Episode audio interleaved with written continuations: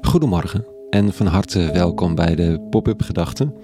Ik ben Rico en ik schrijf overwegingen om de dag mee te beginnen. Vandaag met de titel Leren tellen. Pop-up Gedachten vrijdag 14 oktober 2022.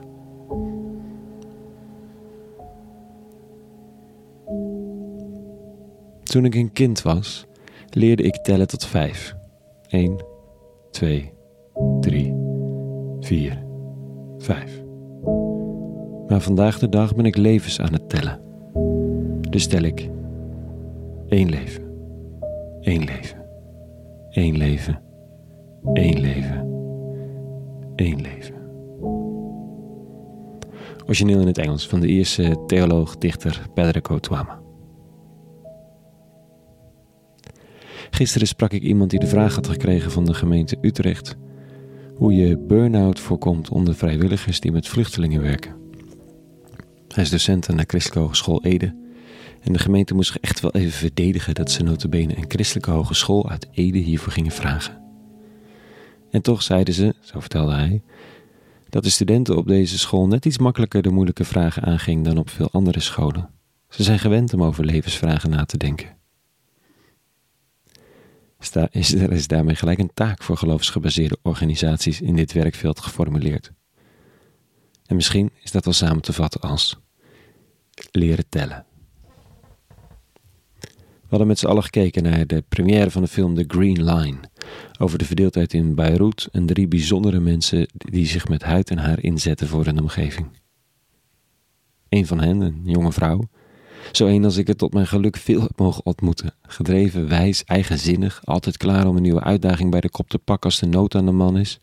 Spiritueel. In deze documentaire vertelt ze hoe ze na de verwoestende explosie in Beirut leert rust te nemen. Dat het niet van haar afhangt.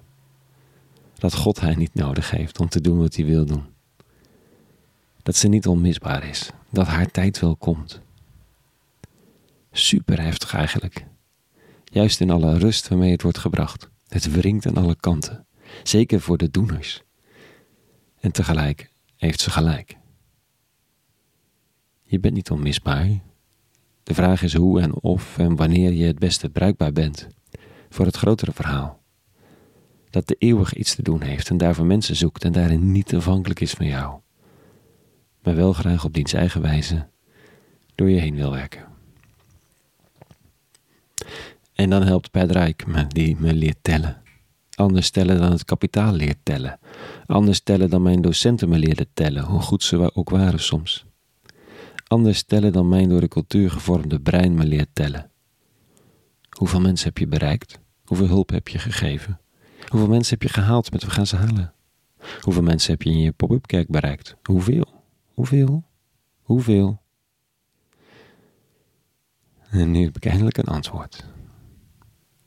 Een antwoord in die storm van vragen die je van je sokken kan blazen. Die heus niet bedoeld is om je onderuit te halen soms, maar die voelt als het aanreiken van een brevet van onvermogen. Of je wilt tekenen bij het kruisje. Niet genoeg, niet gelukt, te weinig, niet oké, mislukt. Ja toch. Hoeveel? Vraag je. Hoeveel bereikt, hoeveel mensen? Voor mij in de pop-up kerk of we gaan ze halen of de pop-up gedachten. Voor jou in je buurt of in je project of in je bedrijf. 1 is het antwoord. Hoeveel? 1. Nou, dat is voor de vraagsteller een beetje een onverwacht antwoord.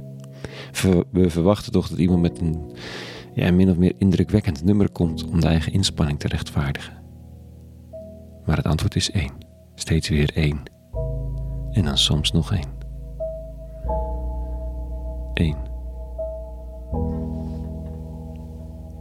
Tot zover de pop-up gedachte van vandaag. Maandag weer een nieuwe pop-up gedachte. Hopen we. Voor nu een hele goede vrijdag. Een heel goed weekend. En vrede. En alle goeds.